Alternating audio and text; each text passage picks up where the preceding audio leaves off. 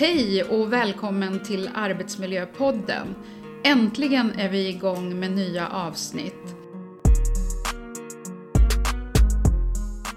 Dagens avsnitt kommer att handla om ensamhet och vad vi har lärt oss och förhoppningsvis hur kommer vi utvecklas framåt nu när pandemin börjar släppa sitt grepp om samhället.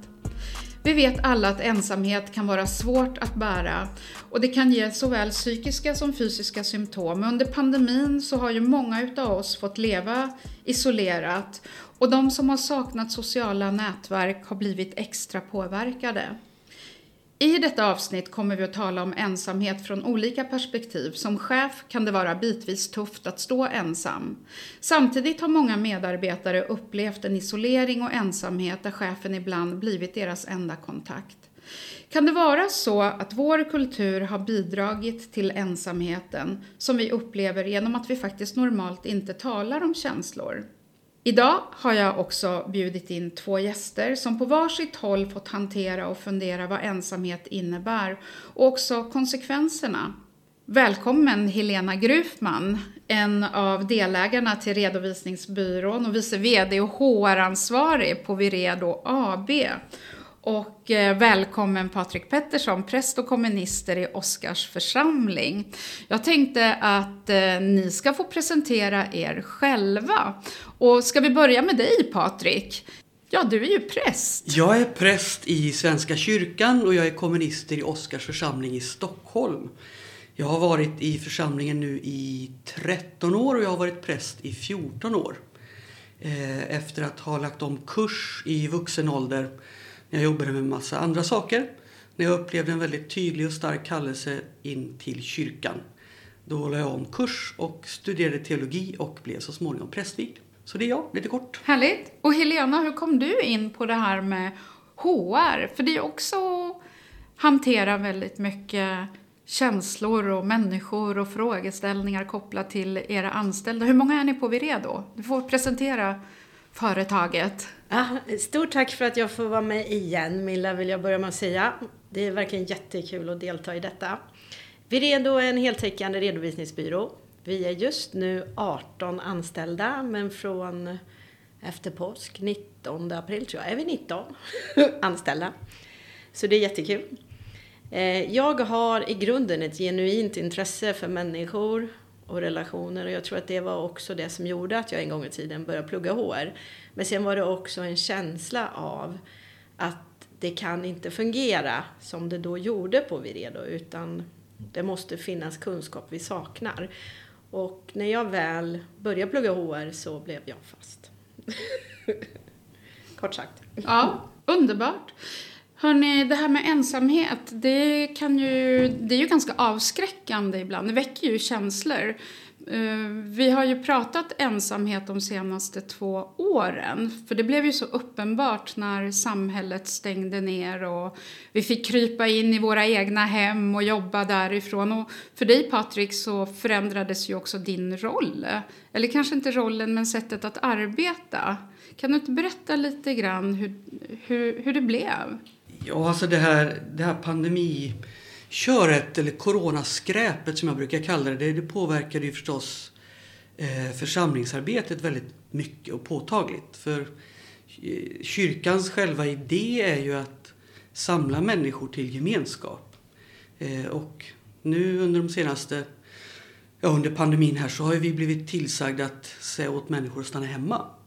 Så att kyrkans själva grundidé eh, gick ju om intet på så sätt.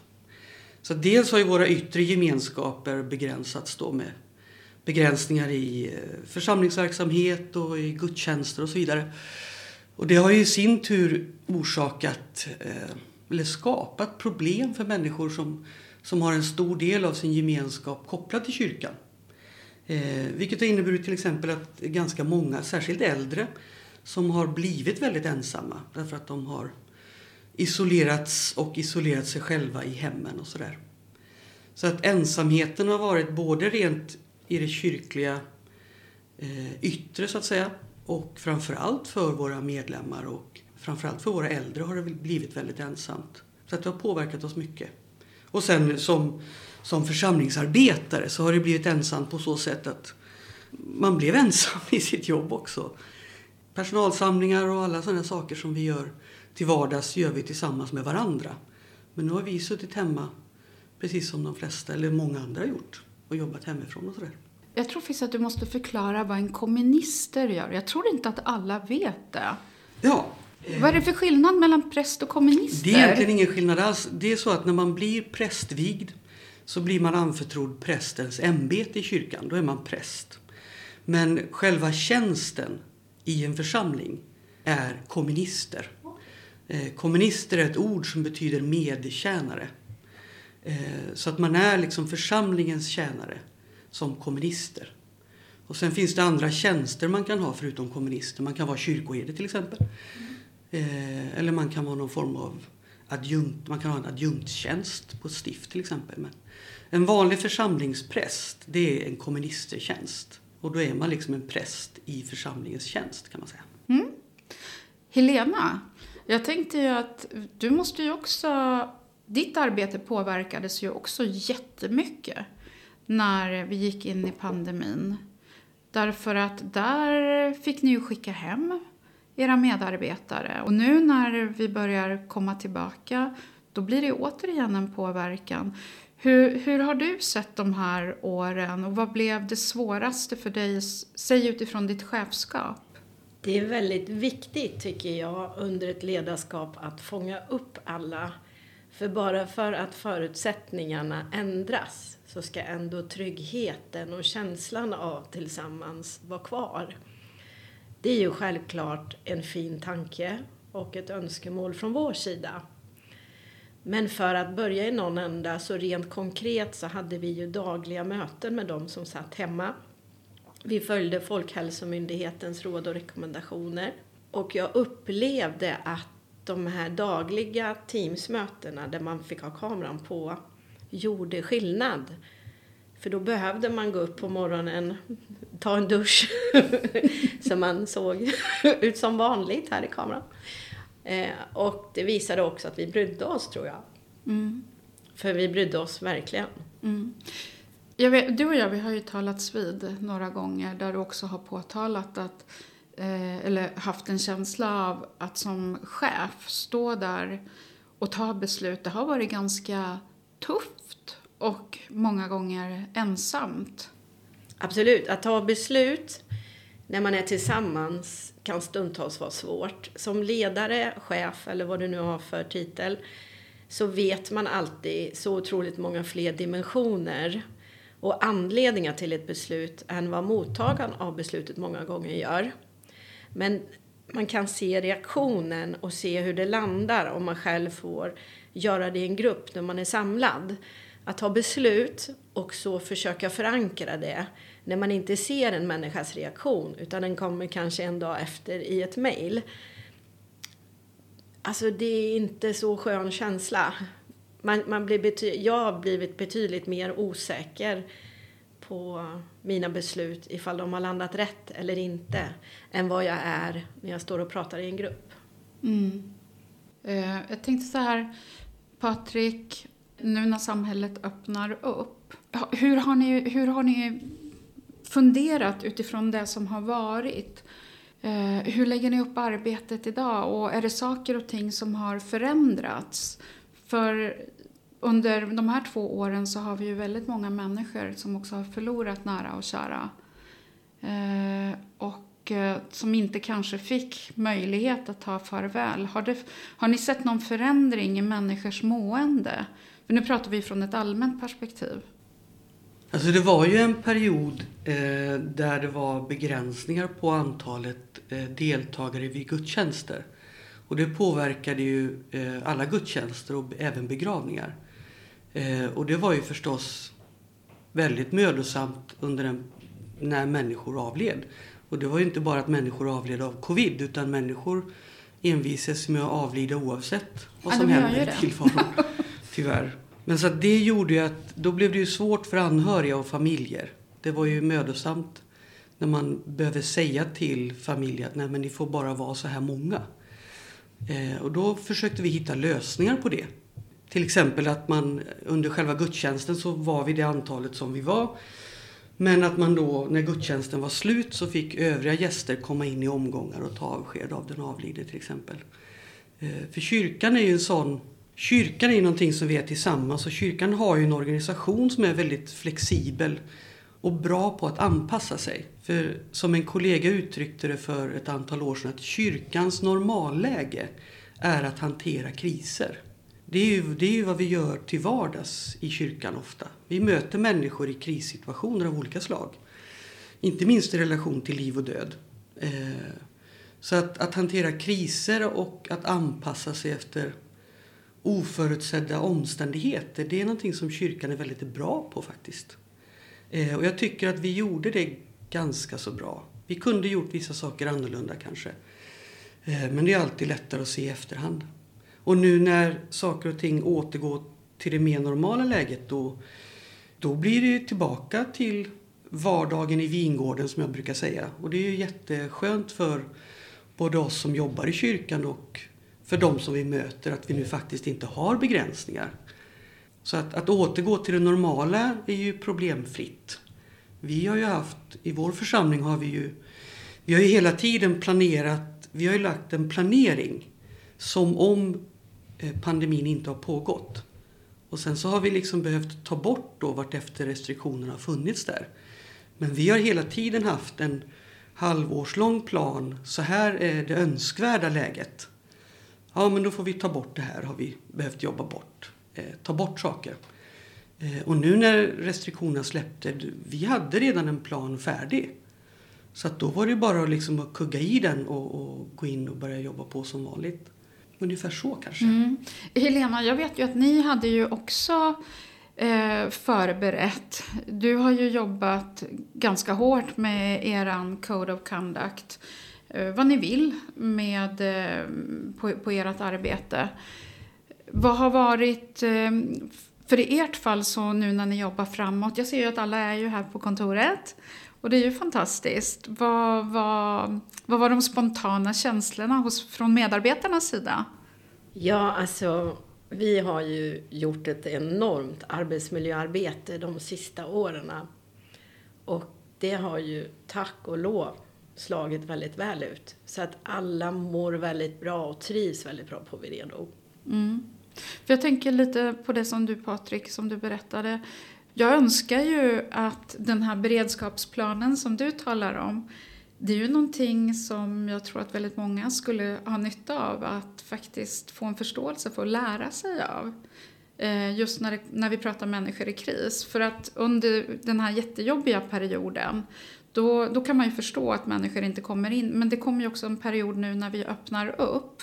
Eh, och eh, vi har ju påverkats av det på ett eller annat sätt, det kan vi ju se. Det, jag antar att ni också har haft, eh, Helena, att det har varit rädslor inblandat exempelvis. Så hur har er beredskapsplan sett ut eh, för att få tillbaka medarbetare och också för dig som chef att ta de här svåra samtalen? Vi har ju uttryckt hur vi vill att vi ska arbeta. Jag tror att det, det, det är någonting man behöver göra. Man behöver, det gäller alla relationer i livet. Att man behöver berätta om vad man har för förväntningar och varför man har de förväntningarna. Vi jobbar i team och för att teamen ska fungera på bästa sätt då är vi tillsammans. Och det underlättar också att bygga tryggheten i bolaget. För oss är trygghet ett av våra viktigaste ord. Eh, och det gör man bara när man är tillsammans. Och eh, teamsmöten i all ära, det har fungerat bättre kanske än vad jag trodde att det skulle göra från början. Men det här att träffa en människa, det slår ju allt. För det är väl också lite grann det som vi har sett under de här åren, att det, det som man har saknat, det har ju varit den här sociala kontakten.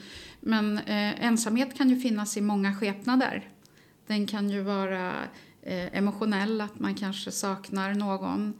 Att det är ofrivillig ensamhet kopplat till det, att man har inte någon kärlekspartner till exempel. Men den kan ju också vara existentiell, våra innersta tankar och känslor. Och hur, hur, eh, som kanske också är svår att dela och som har varit svår att dela. Jag antar att ni båda har fått er del av den här typen av frågeställningar. Ja, alltså ensamhet är ju någonting som är väldigt privat förstås. För det berör ju känslor och känslor är ju privat så det är svårt att prata om. Eh, men jag sitter ju... Jag satt och funderade lite igår inför det här och, och funderade på vad man kan bidra med eh, i relation till frågan om ensamhet. Och jag, jag är ju kristen. Eh, jag lever liksom i ljuset av eh, att världen omfamnas av den kristna tron på en Gud som finns här hos oss och med oss. Eh, och det finns liksom någonting, det finns två stycken ganska så lättillgängliga tankar i det här. Och det är början på Gamla Testamentet och det är början på Nya Testamentet. Eh, I Gamla Testamentet, det första som händer är att Gud skapar livet och sådär. Eh, och sen så skapar Gud människan, Adam. Eh, och det första Gud ser det är att det är inte bra att människan är ensam. Så att han skapar så att de är två. Eh, och sen så har de varandra. Och det finns liksom en djup poäng där. Att människan ska inte vara ensam. Det är inte bra att vara ensam. Och sen så kan man fundera på en spännande tanke i relation till Gamla Testamentet. Där. Det är, vad är det första Gud säger till människan? Då kan man ju fundera på om Gud nu har skapat alltihopa så ska Gud säga någonting liksom stort och märkvärdigt och, och manifestera sig själv och sådär. Men det gör han inte. Utan det första Gud säger till människan är en fråga.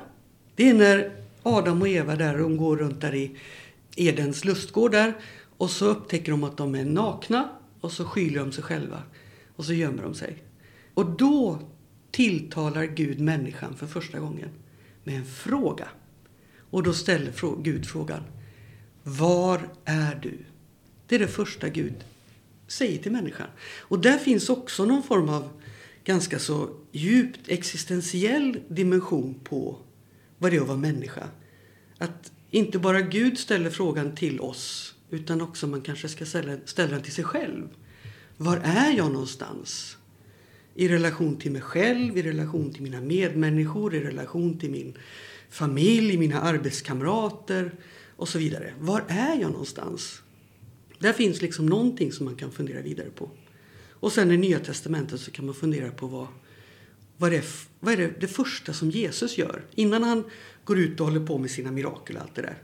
Det första han gör efter att han har blivit döpt, efter att han har blivit så att säga etablerad i sitt värv, det är att han går runt och skapar en gemenskap. Han säger åt folk, följ med, kom med och var en del av gemenskapen. Därför att det är i gemenskapen som det stora händer. Så människan ska inte vara ensam. Man behöver fråga sig var man är någonstans. Och vi mår bäst och det händer stora ting i gemenskap med varandra. Ja, jag tycker du sammanfattar det där väldigt väl måste jag ju säga. Och eh, Helena, det är väl också någonting som du har konstaterat att det är gemenskapen här på Viredo som ni faktiskt gör stordåd. Ni var ju bland annat nominerade på SRF-galan här. Eh, berätta.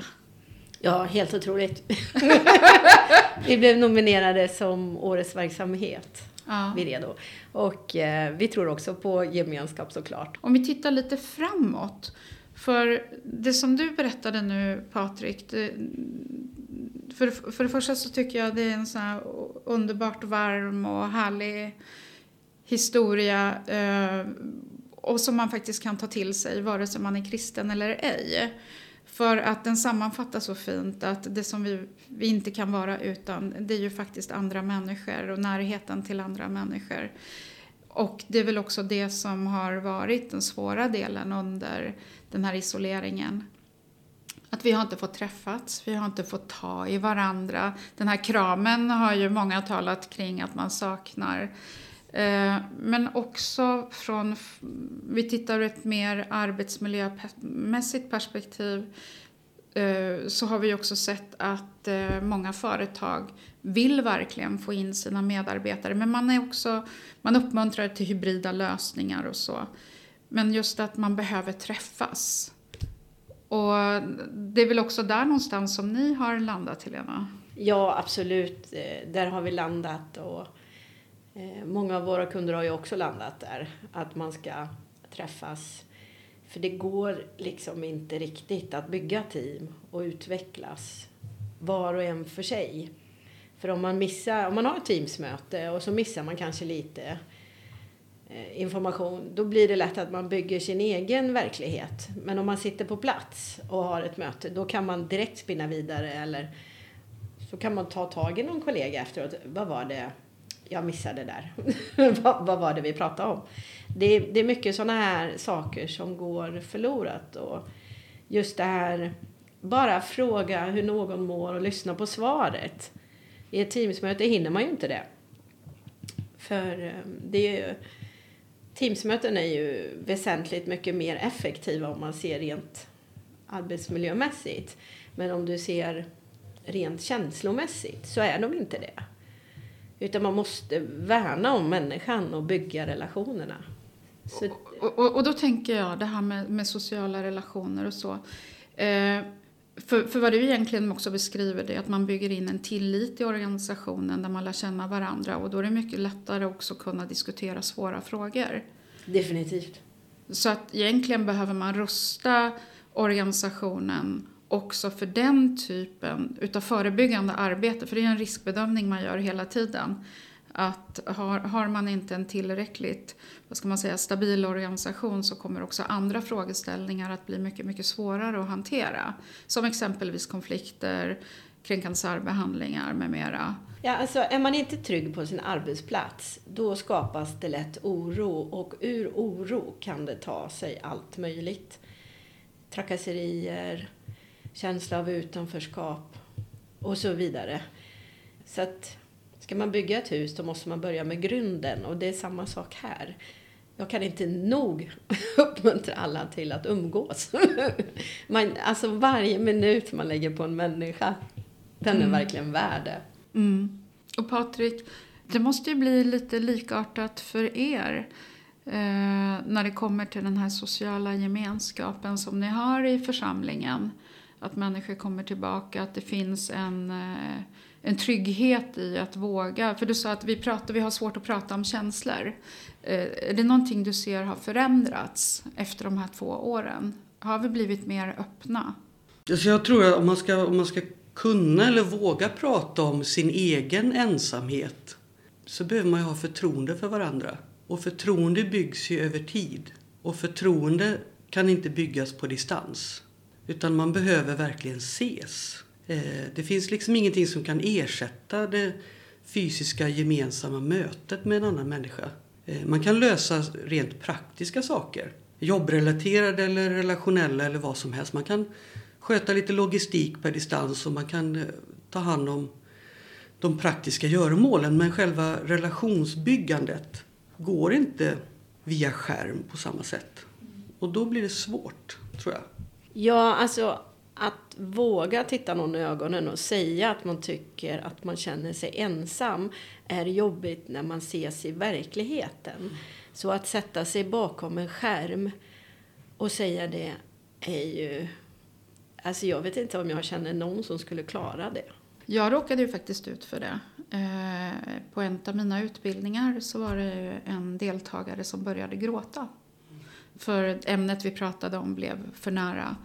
Och den var ju tuff, för hur tröstar man via distans? Ni måste ju ha fått den frågan också. Eh, hur tröstar vi på distans? Det går nästan inte. Man behöver liksom finnas i rummet. Det behöver finnas en fysisk närvaro eh, på något sätt. Det betyder inte att det behöver finnas en, en fysisk närhet, att man, men det behöver finnas en fysisk närvaro, tänker jag mig. Det är klart att om man känner varandra väldigt väl vet man ju till exempel med ens närmaste vänner eller ens partner. Eller, där, kan man, där kan det räcka med att man hörs på telefon och får pratas vid. När man redan har den här djupa förtroligheten. Då funkar det. Men med någon som man har på ett litet, alltså den relationen på, ligger, ligger på en liten annan nivå. Så tror jag det är absolut nödvändigt med den fysiska närvaron. Om man ska kunna bistå varandra med sådana frågor som handlar om till exempel om ensamhet. Om inte annat så blir den rent fysiska närvaron ett botemedel mot ensamheten. Bara det att man kan, en, god, en, en god vän och kollega till mig pratade eh, för länge sedan om att vi behöver vittnen till vår livsberättelse. Det vill säga vi behöver vittnen, vi behöver någon som sitter kvar och lyssnar på oss när vi berättar om våra liv för varandra. Och där tror jag liksom ensamhetspratet hör hemma. Att det är någon som faktiskt sitter kvar och lyssnar färdigt. Och det tror jag är svårt på distans. Då behöver man sitta liksom och se varandra. Och vara hos varandra tror jag. Jag bokade promenader. Om någon behövde prata. För då tänkte jag att jag följde Folkhälsomyndighetens råd och rekommendationer de dagarna vädret tillät. Men det fungerar faktiskt jätte, jättebra. Vi ska börja avrunda lite grann. Man kan prata länge om de här ämnena och då tänker jag så här.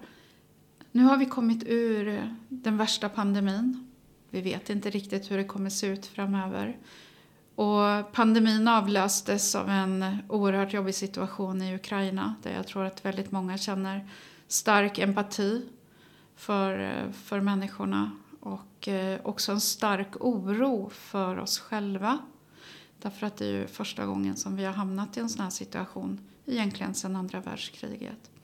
Och jag tänkte, vad skulle vara era absolut bästa tips sett ur ett eh, medmänskligt perspektiv? Att bryta isolering och utifrån ett arbetsgivarperspektiv. Vad är era absolut bästa tips att lindra oro, ensamhet? Vem vill börja? Eh, I min värld så tror jag nog det är att prata om det. Att våga säga som det är. Det finns någon form av läkning bara genom att formulera det man känner. Sen kanske jag behöver en psykolog som förklarar det varför. Men jag tycker faktiskt att det är så. Och sen tycker jag också att stigmat kring ensamhet bör tas bort. Det är okej okay att vara ensam och det är okej okay att stundtals känna det. Det gör jag också. När jag tar många bollar för laget, då kan jag också känna mig ensam. Men jag vet att det kommer att gå över. Och sen ligger ju en del i det hela i mig också. Jag måste ju göra någonting för att förändra min situation. Så våga prata om det. Mm. Patrik, vad säger Ja, jag tror också det den stora nyckeln är ju att prata om det förstås. Och våga sätta ord på det tillsammans med andra. Eh, man kan ju vara ensam tillsammans med andra. Och man kan ju vara själv utan att vara ensam. Eh, men att man, att man vågar sätta ord på sin egen upplevelse av ensamhet tror jag också att vi hjälper varandra när vi gör det. Man märker att man kan hjälpa varandra och få syn på att ja, men jag är inte själv i det här. Eh, men, och jag tror inte det finns någon riktig quick fix heller. Men jag satt och funderade igår på, det, det finns en bok av två kloka präster som heter Lars Björklund och Kerstin Dillmar. De skrev en väldigt fin bok som heter Identitet och uppdrag. Och där gör de en som en liten triangel av vad som håller ihop en människa. Eh, och då pratar de om identitet, relation och mening. Och de där tre sakerna tror jag man kan göra gott i att prata med varandra om. Och identitet till exempel, det, är ju, det handlar om en inre identitet, vem är jag för mig själv? Och min yttre identitet, vem är jag för andra? Och mina relationer behöver man också prata om förstås. Och relationen ställer ju frågan om vem jag är med andra. Eh, och det har vi kärlek och vänskapsrelationer till exempel. Eh, och sen meningen tror jag också är viktig att prata om. Eh, och då kan man fundera kring det som är menings... Där kan man leka med orden. Man kan fundera på sig själv och prata med, med, med andra om vad som är meningsfullt, vad som är meningsfyllt och vad som är meningslöst och sätta ord på de tre olika sakerna, vad det nu kan vara för någonting. För det som för stunden kan upplevas vara meningslöst kan i ljuset av hur det blir vara meningsfyllt även om det inte är meningsfullt. Det kan man fundera på. Eh, och sen så kan man också lyfta in tanken på ansvar därför att känslan av att ha, få och ta ansvar skapar ofta en känsla av mening eller en upplevelse av att nu har jag en mening. Så de där tre sakerna tror jag kan vara bra att prata om när man nu ska fundera, alltså när vi ska tillbaka till någon form av normaltillstånd. Att fundera på identitet, relation och mening och sätta in sig själv och sina arbetskamrater och vänner i det liksom schemat. Och jag tycker du sammanfattar det så fint. Och jag frågade faktiskt samma fråga eh, när jag var i Kenya i oktober. Så ställde jag frågan, för jag var ute i slummen då och besökte en familj där. Och så sa jag, men hur hanterar du ensamhet? Hur hanterar ni svåra frågor?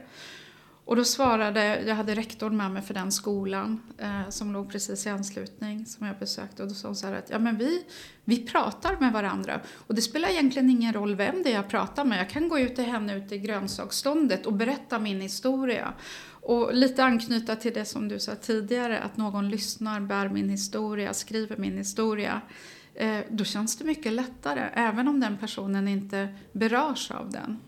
Så eh, definitivt att vi behöver varandra. Ni ska ha ett jättestort tack för att ni ville komma hit och prata om det här ämnet. Tack snälla, tack för förtroendet. Stort, stort tack. Och eh, jag som har pratat heter Milla Jonsson och det här avsnittet gör vi i samarbete med Facap AB och Helst Kommunikation. Och så eh, hoppas jag att få höra av er och lite kommentarer kring vad ni tycker om det här avsnittet och kanske också vad ni skulle vilja höra mer av. I anslutning till avsnittet så kommer vi att bifoga en liten checklista på vad man ska tänka på när det kommer till att motverka ensamhet. Ha det så bra! Hej då! Hej då! Hej då!